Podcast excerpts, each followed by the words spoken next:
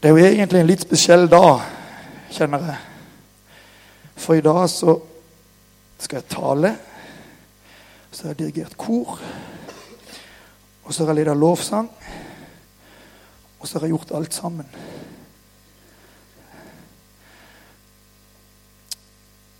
Men det har faktisk sin begrunnelse, kjenner jeg. Fordi at jeg ble spurt om å tale av Jarle. Og jeg, jeg, når jeg så hva som var temaet jeg skulle tale over, så, så, tror jeg jeg vet hvorfor jeg ble spurt om å tale. For det var når Arendal var, nei, Arendal, når Jarle var pastor i Arendal, så var jeg med Anstad Gospelkor der på en gudstjeneste. Og da hadde jeg ikke fått noe tema. Men eh, da snakka jeg om dette med menighet, og det med når vi kommer sammen, og det med å stille opp når vi kommer sammen, og, og det med menighetsbetydning. Så hadde jeg en, en, tale om det på den gudstjenesten. Eh, og så eh, har jeg ikke tenkt så mye mer på det. Men så ble jeg spurt av Jarl igjen om jeg kunne tale om det. Og så tenkte jeg, ja, det så skjønte jeg, ah, han hørte meg om det en gang. Så det er det sikkert det jeg skal gjøre. Men så kjenner ikke Jarle meg kanskje så godt. For det som Merete kjenner meg jo best alle her inne, kanskje. Kona mi. Hun vet at det jeg sa i Arendal, det har ikke skrevet ned noe plass.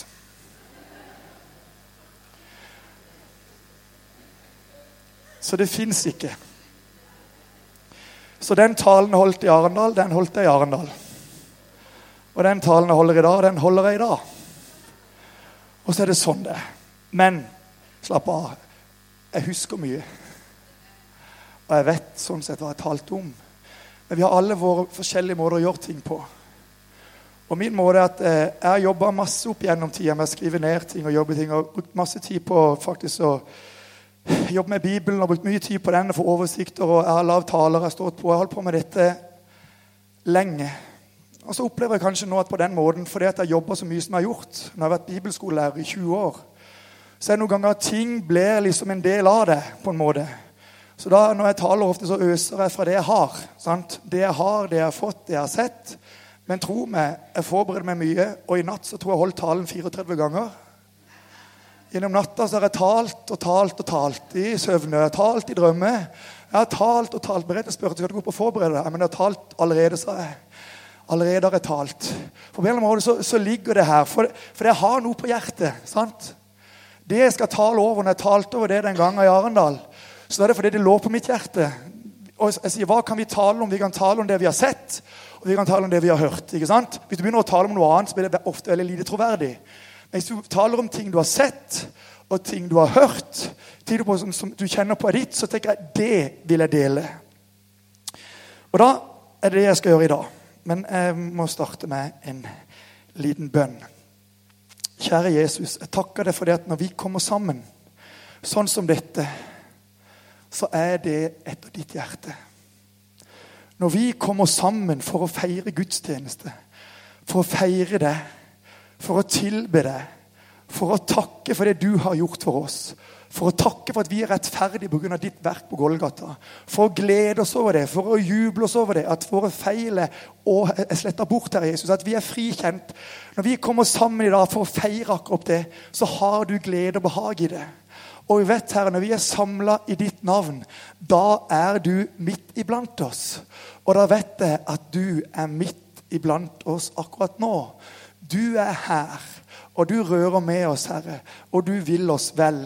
Kjære Jesus, la det ordet som skal forkynnes i dag, være ditt ord, Herre Jesus. La det være ditt hjertespråk som går fra hjerte til hjerte, fra ditt hjerte til vårt hjerte, Herre Jesus. Møt oss akkurat der vi er, Herre, som menighetsfellesskap, som enkeltpersoner. Herre Jesus, møt oss akkurat der vi er. Vi legger bare dette i dine hender. Amen. Amen. Eh, serien heter 'Veier til glede'. Og Jarl hadde introen den første gangen. Og Forrige gang så hørte vi om Guds ord. Glede gjennom Guds ord. Og sånn Guds ord kan være veier til glede. Det er litt spesielt det å snakke om glede. For glede det er sånn begrep vi kan tenke mye om. Hva er glede? Glede er i Herren er én ting Bibelen lærer oss. Det er den, Ikke nødvendigvis at vi alltid da liksom er kjempeglade sånn i, hele tida, men at vi hver dag kan glede oss over det han har gjort for oss. Altså Vi kan minne oss om igjen at min frihet skylder Jesus der på Golgata, også i dag, også i går, også i morgen. Gled dere i Herren alltid. Der står det om glede. Å glede seg over det Jesus har gjort for oss. Det er liksom det Bibelen oppmuntrer oss til. Gled dere i Herren. Veier til glede. Og så er det noen ganger sånn at vi tenker at det beste vi kan ha, det er å ha fri. Og så kjenner jeg mange som har vært arbeidsledige over lang tid. Og hvis jeg sier til dem at det beste du kan ha, det er å ha fri, og du snakker med en arbeidsledig, så er han ikke helt enig med det. Sant? For det å bare ha fri, ikke ha noe å stå opp til, ikke ha noe å gjøre Over tid så gjør ikke det godt med oss. Jeg er jo en, litt utrangert økonom. Eh, opprinnelig, var jeg siviløkonom, men jeg har iallfall tatt en utdannelse på de greiene der. Og Jeg likte mye av tankestoffet. Det som fascinerte meg aller mest, kanskje, det var når jeg leste sosialøkonomi. Og så sammenhengen det å få folk i arbeid. For meg tenkte får du folk i arbeid, får folk noe å gjøre. Blir folk sysselsatt, så har de noe å stå opp til. Har du noe å stå opp til, så har du noe å leve for. Da har du noe å gå til. Men når du går og gjør ingenting over tid, så, så skjer det noe med oss. Det går på selvfølelse løs, og vi føler hva er vi, og vi diller rundt uten mål og mening og føler Hva bruker vi tida til? I 1990 eller 1991, det klarte jeg ikke helt å huske, men det var akkurat idet muren falt, Øst-Europa. Da var jeg engasjert i ungdomsarbeid her på Søm, og vi tok et team inn til Latvia. På vei inn til Latvia kjørte en svær buss og inn med en haug med ungdommer. Vi skulle inn og vi skulle fortelle om Jesus, for det var åpent. Åpent til evangeliet. sant? Og så var vi på vei inn, hel buss. Og så kommer vi inn der. Og det var jo selvfølgelig veldig åpent. Så når du fortalte om Jesus, og folk trodde jo på Jesus, og de tok henne imot med en gang Det var veldig, veldig spesiell tid. Det er sånn, Du hadde gatemøte, og folk bare kom og sto i kø for å få Bibel. og sånn. Det er veldig rart. sant? Det var en helt spesiell tid. Men det som kanskje gjorde mest med meg, det var å se det som jeg kaller for Og som jeg tror fremdeles er et problem. Det var alle disse alkoholiserte russiske menn som gikk rundt og gjorde ingenting. Som bare skapte trøbbel. Som bare skapte bråk. Som ødela familien. Det var jo damene som, som både bærte hele samfunnet. Og mannen gjorde egentlig ingenting. Han var alkoholisert. Og Det var et kjempesosialt problem. For at du går rundt og gjør ingenting. Og når folk ikke gjør noe, så er de heller ingenting. sant? Og så blir det på hele greia. De har ikke noe å holde på med. Vi tenker 'Å, fri, er det så deilig'. Og ikke bare slapp av. Ja, fri er det deilig som noe vi kan gjøre. Men Bibelen lærte oss vi arbeider seks dager. Så hviler vi den syvende. Guds prinsipp. Vi trenger å arbeide. Vi trenger å gjøre noe. Derfor er jeg utrolig glad for mennesker som setter i gang til lave prosjekter, som får til folk som kan få folk i arbeid og gjøre de tingene her. Hva har dette med menighet å gjøre? Det har litt å mene det gjøre. For det handler om å være i arbeid. Det har litt med menighet å gjøre. Når jeg skal når jeg skal dele for dere i dag, så skal jeg, skal jeg dele fra Hebreabrevet. Jeg vet ikke hvor mye dere kjenner til Hebreabrevet. Men Hebreabrevet er på mange måter et spesielt kapittel. Det er et spesielt brev. Vi vet for det første ikke hvem som har skrevet brevet. Eh, det er skrevet til hebreere, altså til jøder. Til jødekristne. Jøder som er blitt frelst. Eh, og på den måten har fått et nytt liv. Og så vet vi på den tida det er skrevet, at det er skrevet under en forfølgelse. De kristne blir forfulgt. De kjenner at de blir pressa på. De vet at det er vanskelig. Det er vanskelig fordi de kan miste livet sitt for sin tro. Og i den situasjonen her, hvor du har et prøverfolk som alle vil ta, eh, som, som, som eh, kan bli drept for, bare fordi at de tror, og er jøder og er kristne. Det vet de. Det er situasjonen. Og i den situasjonen ble brevet skrevet. Altså Det ble skrevet til et folk som er pressa, og som er stressa, og som kjenner at livet er ikke lett. I den settingen er dette brevet skrevet. Så har vi litt sånn, sånn, sånn bakgrunn om det. Og På en måte er dette da en slags timeout, hvor du sier, hvor forfatteren prøver å si Kjære dere, hold ut. Ta en pause, hold ut, og stå sammen. For å overleve dette trøkket dere opplever nå alene, det er nesten umulig. Og da vet kanskje litt om dere selv. Når du står med ting som er vanskelig, og du står med det alene, så er det mye verre. Men hvis du har noen rundt deg som kjenner din situasjon, som kjenner det du står i, og som kjenner din smerte, som kjenner din nød, som kjenner det du er midt oppi, det presset du står under, så kan du dele det med noen. Så er det family. ikke sant? så er det så godt. Men å stå med alt alene, det blir vanskelig. Det visste forfatteren. Det er vanskelig å stå med noe alene. Så du trenger å ha et fellesskap. Og så skriver forfatteren veldig mye om oppmuntring. At er det noe som er viktig der vi er nå, så er det de gode ordene. De ordene som muntrer opp, de ordene som skaper nytt liv. De gode ordene som gjør at folk får tro på at det de holder på med, er riktig. Det som gjør at folk kommer i gang, det som gjør at folk får tro på at de kan. Det som gjør at folk som har lyst til å bidra. De disse gode ordene som bygger opp. For det fins nok av ord som bryter ned. Det er veldig lett å bryte ned med å si ekle ting til hverandre. Det er den verden fullt av. Men av de der gode ordene Derfor så skriver forfatteren av hebreerbrevet til et pressa folk, til noen pressa hebreere. Så skriver han hallo, de må oppmuntre hverandre. De må backe hverandre, de må støtte hverandre. De må gi det beste de kan gi til hverandre. De må gi de gode ordene. Oppmuntring. Bare les det. Det står flere steder. Og Det verset jeg skal tale over, det er Hebreerbrevet 10. Der står det bl.a. om oppmuntring. Men nå har dere settingen. Hvor, hvorfor brevet er skrevet. ok? Hebreerbrevet 10, vers 23-25. og Der står det sånn La oss, skriver han til disse som er prøva, holde urokkelig fast ved bekjennelsen av vårt håp. For Han som ga løftet, er trofast.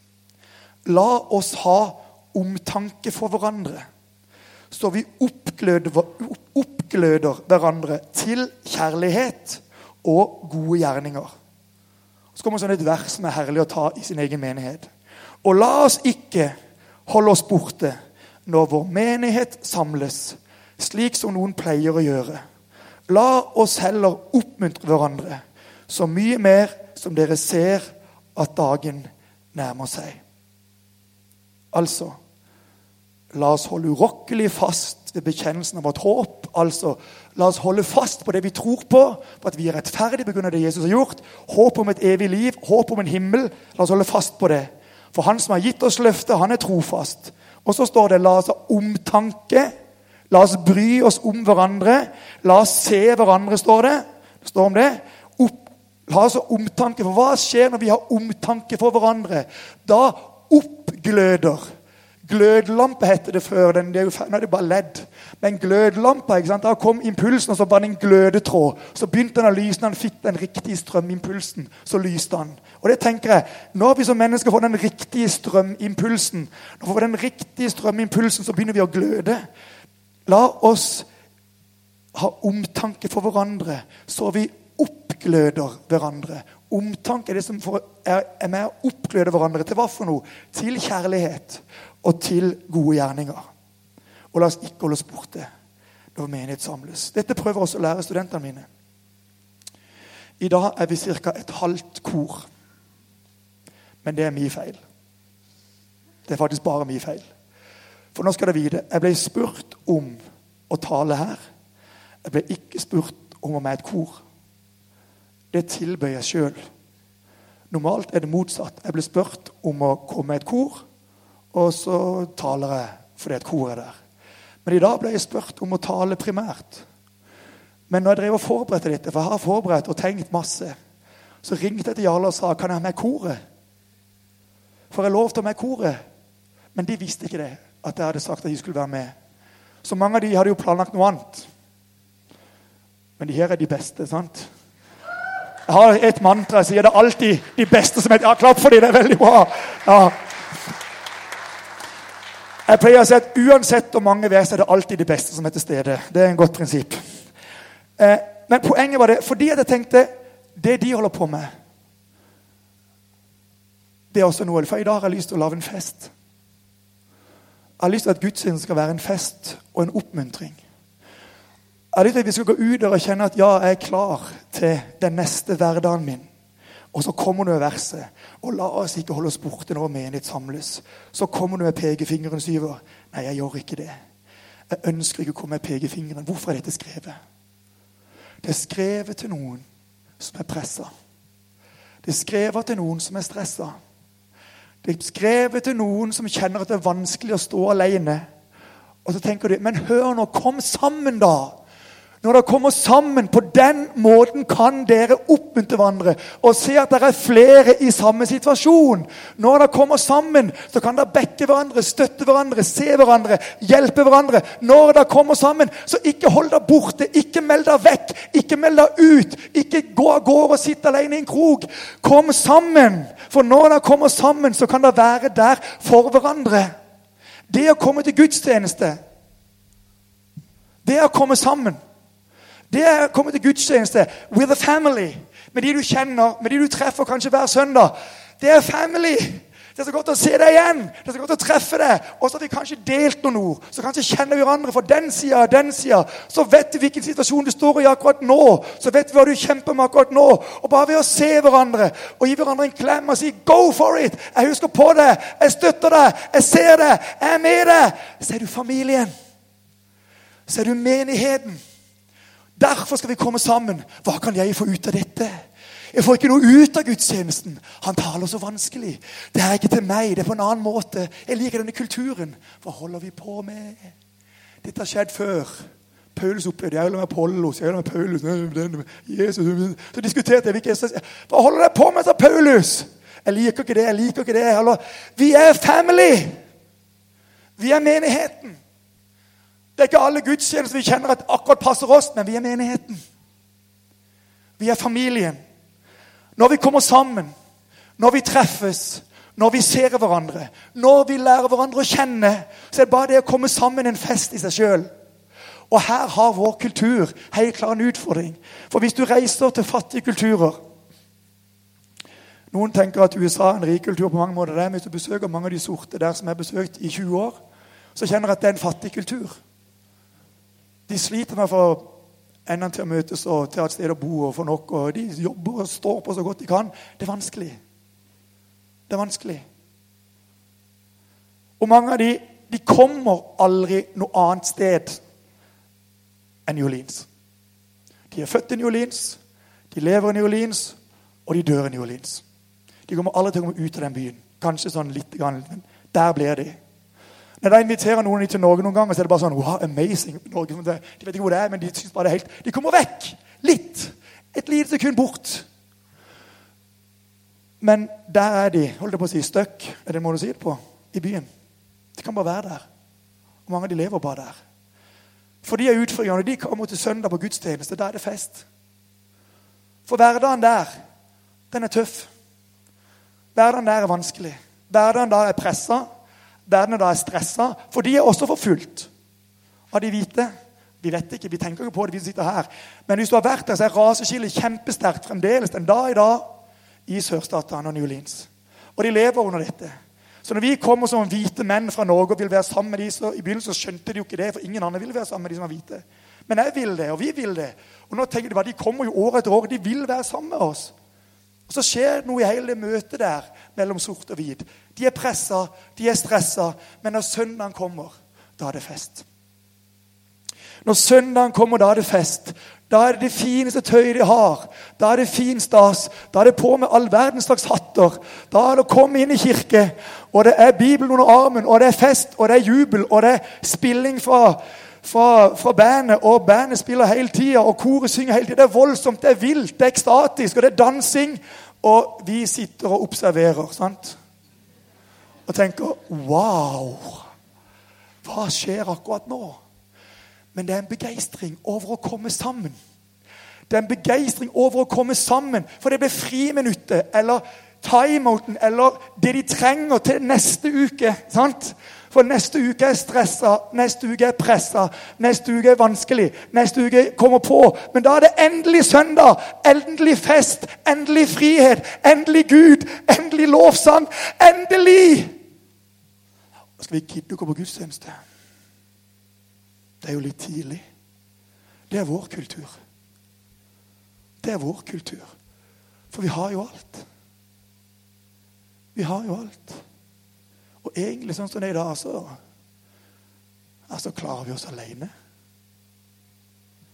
Og vi leser at ensomheten er den største folkesykdommen vi har. Men eh, nå har vi fått sosiale medier, så prøver vi å bruke det som vårt fellesskaps. ungene mine vokste opp med Når jeg snakka med den, og så har de snakka liksom, på Facebook snakket med den, eller et eller annet. Ja, jeg snakka med den i dag via et sosialt medie. Det er en dårlig etterligning, spør du meg. Jeg ser at du kan få kontakt på en eller annen måte. Men hvis det eneste fellesskapet vi har, blir via sosiale medier, hva slags fellesskap er det? Når vi leser at folk i dag er ensomme. Byene blir større og større. Byene blir, og, folk blir flere og flere kommer sammen. Det er urbanisering. Det er flere og flere folk på ett sted. Og der hvor det er flere og flere folk på ett sted, der blir ensomheten større. Det er et paradoks. Før var det sånn hvis du var en del av en familie, så var du helt avhengig av familien. Nå sier du som 16-åring jeg flytter ut. Trenger mamma og pappa. Jeg klarer meg sjøl. Før var det sånn at Mor og far måtte sammen. Hvis du prøvde å stikke av, så visste du hva du skulle gjøre. Nå kunne du bare gå og skille meg. Unnskyld at jeg sier det. Det er en tragedie i seg sjøl. Skal ikke snakke om det. og det er utfordrende på det. Men jeg sier i dag kan du uansett livssituasjon klare deg sjøl. For staten betaler for det. Det er kjempebra. Men det er utfordring. For hva skjer med fellesskapet når vi opplever at vi klarer oss helt alene? Og alt vi opplever i livet som er vanskelig, det skal vi klare alene. Og jeg tror at hvis vi tror at det er sånn det skal være, så blir det vanskelig. For vi trenger et fellesskap. Vi trenger noen å stå sammen med. Vi trenger noen som vi kjemper sammen med. Vi trenger å kunne være oss sjøl. Noe av det beste jeg vet med å være ute og reise, vet du det, det er å komme hjem. For jeg tenker, Når jeg kommer hjem til min kjære kone og mine fantastiske barn, ikke sant? og du kommer hjem der, så vet jeg at de som kjenner meg aller best, det er de hjemme. Når du kommer hjem, så trenger du ikke å spille skuespill. Hvis jeg hadde vært jente, så hadde jeg ikke trengt å sminke meg i gang. Når jeg kommer hjem, så er det maven ut og teen på bordet. Og, og jeg elsker allikevel. Lukter litt svett etter en løpetur. Jeg elsker allikevel. Jeg håper iallfall det er sant, Merete. Jeg velger å tro at det er sant. For når du kommer hjem, så kan du være deg sjøl. Når du kommer hjem, så slipper du å spille et skuespill. Når du kommer hjem, så er du der akkurat sånn som du er. Og det er det som er hjem. Endelig hjemme. Endelig kjenner alt. Jeg vet hva som er kjøleskapet omtrent, jeg vet hva som er hvor, og jeg vet at her kan det være sånn. Her er min plass. Hjemme. Deilig. Er dere enig? Komme hjem og bare kunne det er der du slapper av. Og hvis ikke du slapper av hjemme, så har du et problem. pleier jeg å si.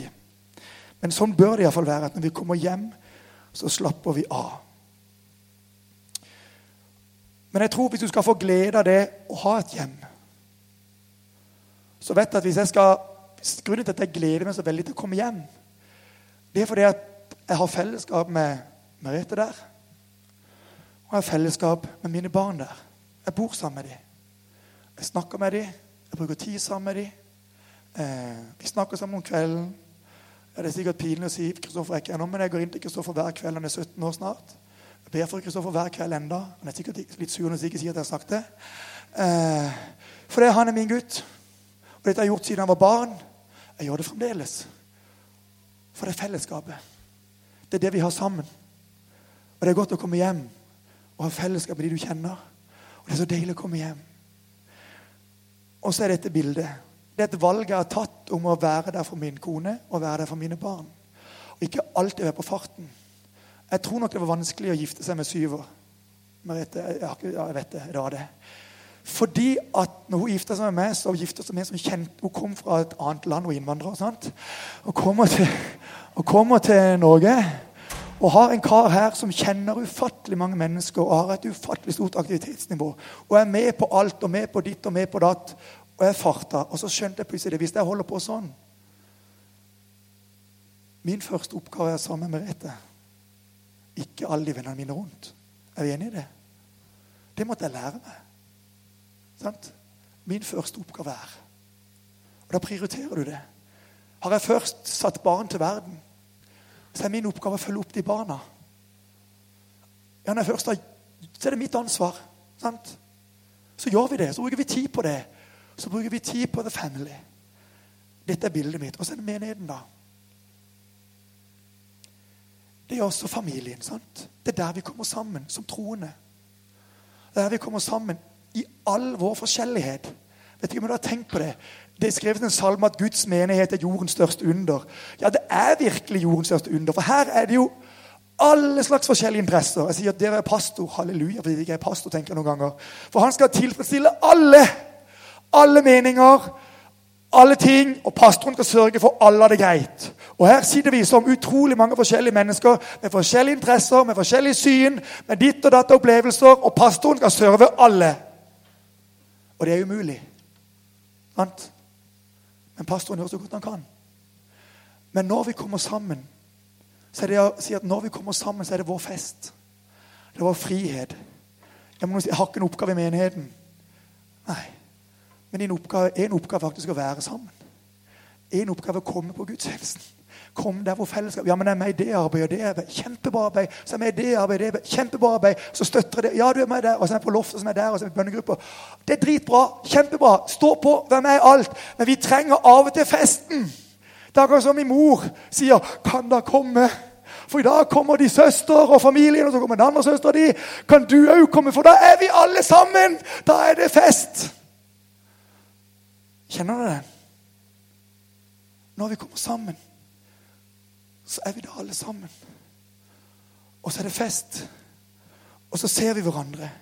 'Ja, men eh, jeg var trøtt i dag', sier min sønn. Fins ingen unnskyldning. Bare stå opp. Eller legg deg før. Det sier jeg til din ikke du kommer på skolen. Ikke sant? Når dere velger å være borte, hva sier jeg da? Ja, Én ting er at du ødelegger for deg sjøl, men du ødelegger for alle de andre. Ja, det gjør også, men ikke glem det nå. For hvis, vi velger å være borte, så er vår plass tom. Da er det en ledig stol. Og så er det Når vi er sammen alle sammen av fellesskapet, så er alle på plass. Og så er det godt. Jeg har tre barn, og de to eldste er gutter, og de sier ikke så mye. Det var, mm. Går det fint? Mm. Har du det bra? Mm. Var det fint i dag? Mm. Det er herlig. sant? Du føler en god dialog. Mm. Og så har du den siste, da, jenta. Hun snakker hele tida. Hele tida. Og du vet, du er aldri i tvil hvor du har henne hen. Eh, hun er den som smeller mest med dørene og, og, og, sier fra på alt mulig og hyler høyest. og Jeg ble kjempestressa noen ganger, og jeg ble vondt i hodet. Alt er gnålet. Jeg elsker henne. Men det er tøft. sant? For jeg er ikke sånn sjøl. Så, Men det Therese har, det er det derre Nå er det lørdag. Så nå må alle sammen komme og kose. 'Kristoffer! Må du komme? Vi skal spise.' Mm. 'Ja, nå er det mat!' For nå må alle være sammen. Og så prøver hun, hvis er sammen, så prøver hun å snakke med dem. 'Kristoffer, Kristoffer, hei, hei, Kristoffer.' Mm. 'Hallo.' Så prøver hun så godt hun kan, for hun vil ha fellesskapet. Hun kjenner på gleden av å være sammen. Gleden av å komme sammen. Gleden av å være en del av noe. Gleden av å være flere enn én. Skjønner dere? Og det er noe av det som, som vi snakker om her. Om å komme sammen. Om å ha omtanke. Om å ha kjærlighet om å oppmuntre, om å se hverandre, om å gi de rause ordene, om å gi de gode ordene, om å si 'Jeg vet du står tøft nå, men jeg husker på det. Jeg ber for deg hver dag. Jeg skal huske på det videre. Stå på, ikke gi deg. Kom igjen.' Og så et klapp på skuldra, og så en god klem. Fordi vi kjenner hverandre. Fordi vi treffer hverandre. Fordi vi snakker sammen. Fordi vi deler sammen. Fordi vi har delt liv sammen. Så kommer vi sammen, og så er det fest. Og så er alle her tenker vi å, så godt når alle var der. Og så handler det på mange måter om valg vi tar. For jeg pleier å si det når du velger å gifte deg, så forplikter du deg til noe. Og det er en god forpliktelse. For jeg sier, Det beste har, det er det å komme hjem og ha en familie å komme hjem til. Det er fantastisk. Du har en forpliktelse. Og Noen ganger tenker jeg at mange av de valgene vi tar i dag, er litt sånn der Hvis jeg spør de, vil jeg være med på det? Nja, jeg kan ikke svare enda, Jeg må sjekke. Kanskje dukke opp noe annet som er viktigere. Kan du ja? Kan du komme? Jeg kan ikke svare enda, for det kan jo være at eh, Så jeg får se litt seinere. Altså, det kan jo Det folk til å forplikte seg Jeg vet at noen driver ungdomsarbeid her. Jeg vet ikke om Jonny er i dag. men jeg ser kona her. Men jeg vet at Jonny sier det for folk til å forplikte seg til noe. Ja, jeg vet ikke, jeg passer, jeg må se, Det kan jo dukke noe på Facebook som er litt mer interessant. ikke sant? Det sier, Jeg forplikter meg, jeg stiller opp, jeg sier ja. Det tror jeg er noe som er Gud gitt. Hvorfor det? For jeg, Da henviser jeg til åndens frukter, som er skrevet ned i Galaterbrev 5. For det står om ni åndens frukter. Og De tre siste fruktene der det går på vår karakter. Og det er En av de er trofasthet. Det står om åndens frukt, noe som vokser fram. Noe som vokser fram for den som lever med Herren. Det å være trofast. Det å stille opp. Det å forplikte seg til noe. For det er nemlig Når man forplikter seg til noe, så blir man del av nedturen. Man blir også del av oppturen. Man blir ned av alt. Man er med ned, og man er med opp, men man er sammen om det. Og så opplever vi gleden av å oppleve dette sammen. Jeg vet at Når fotball legger seg til sammen, så bruker trenerne masse tid til å bli én gjeng som kan både forplikte seg til hverandre. For de vet at når vi ikke er en gjeng, men er enkeltpersoner, så blir det et problem. Sant? Og Noen av de der må være mirakelmenn for å sette sammen et lag som Barcelona med en haug med individualister skal bli ett lag. sant? Jeg tenker, hva er det mulig? For en jobb. Men de prøver jo å sette sammen et lag som forplikter seg til hverandre og gjør hverandre gode. Vi er et lag. Vi er en menighet. Og vi kan velge å holde oss borte fordi ikke vi gidder. Vi kan velge å holde oss borte fordi vi er såra og skuffa over hva noen har gjort i menigheten med oss. Vi kan være med oppe i menigheten fordi alt er så dårlig i menigheten. Pastoren er dårlig, og alt er dårlig, og lovsangen er dårlig, og folkene er dårlige, og alt er elendig. Så kan vi Pål snakke om det. Derfor gidder jeg ikke. Så tenker jeg kanskje du kunne bidra. Kanskje vi alle kunne bidra. Men når vi kommer på gudstjeneste, så deler vi de gode ordene. Når vi kommer sammen, så deler vi de gode ordene. Hvorfor være til stede? Det er ikke bare 'hva får jeg', men det er 'hva kan jeg gi'? Og så vet vi at den som gir, han får. Forpliktelse og tilstedeværelse, det gjør noe med oss. Vi får lov til å være en del av et fellesskap. Vi får lov til å komme hjem. Vi får lov til å være de vi er, på godt og vondt. For vi er ikke perfekte. og det har jeg alltid sagt. Min frimodighet som å stå her sant? Syver er sikkert profesjonell kristen. Det må han være. Han jobber på bibelskole. Ser du det? Profesjonell kristen. Jeg kan alt. Livet er perfekt, for jeg jobber på bibelskole, og jeg underviser i Bibelen, og jeg lærer folk om Bibelen. Så jeg er jo mister perfekt kristen syver. Og Derfor står jeg her, fordi jeg lykkes med alt og kan alt og har skjønt alt. Det er min frimodighet. Nei, kjære venner, min frimodighet det er Jesus på korset. For jeg har mine utfordringer. Jeg har mine svakheter. De nærmeste vet best om dem. Jeg har min ting. Vi har våre ting. Men så er det under at min nåde er nok for deg, sa Herren til Paulus. Min nåde er nok for deg. Så jeg vil si til deg Guds nåde er nok for deg. Du er rettferdig fordi du tror. Du er rettferdig fordi du har søkt tilflukt til Han. Du er rettferdig fordi Han kommer til deg, og du tar imot Hans frelse. Velkommen til de hellige samfunn. Til de rettferdige samfunn. Vi er rettferdige, og det er nesten verdt et stort halleluja. Vi er ikke perfekte, men vi er rettferdige. Og vi er et samfunn, en kirke, en menighet av rettferdige. Nå har vi kommet sammen. Nå er det fest. Nå er det jubel. Holdt på, nå er det dans. Vi gjør ikke det i Norge, da, men det kunne vært det. Sant? For nå kommer vi sammen og feirer at vi tilhører Guds kirke på jord. Vi er en del av menigheten, og vi stiller opp for å være der for hverandre. Vi har alle en tjeneste i menigheten. Tjenesten å være der for hverandre. Veier til glede, det tror jeg på.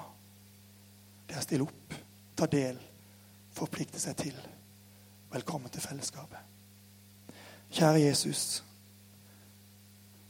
Takk for fellesskapet vi har her.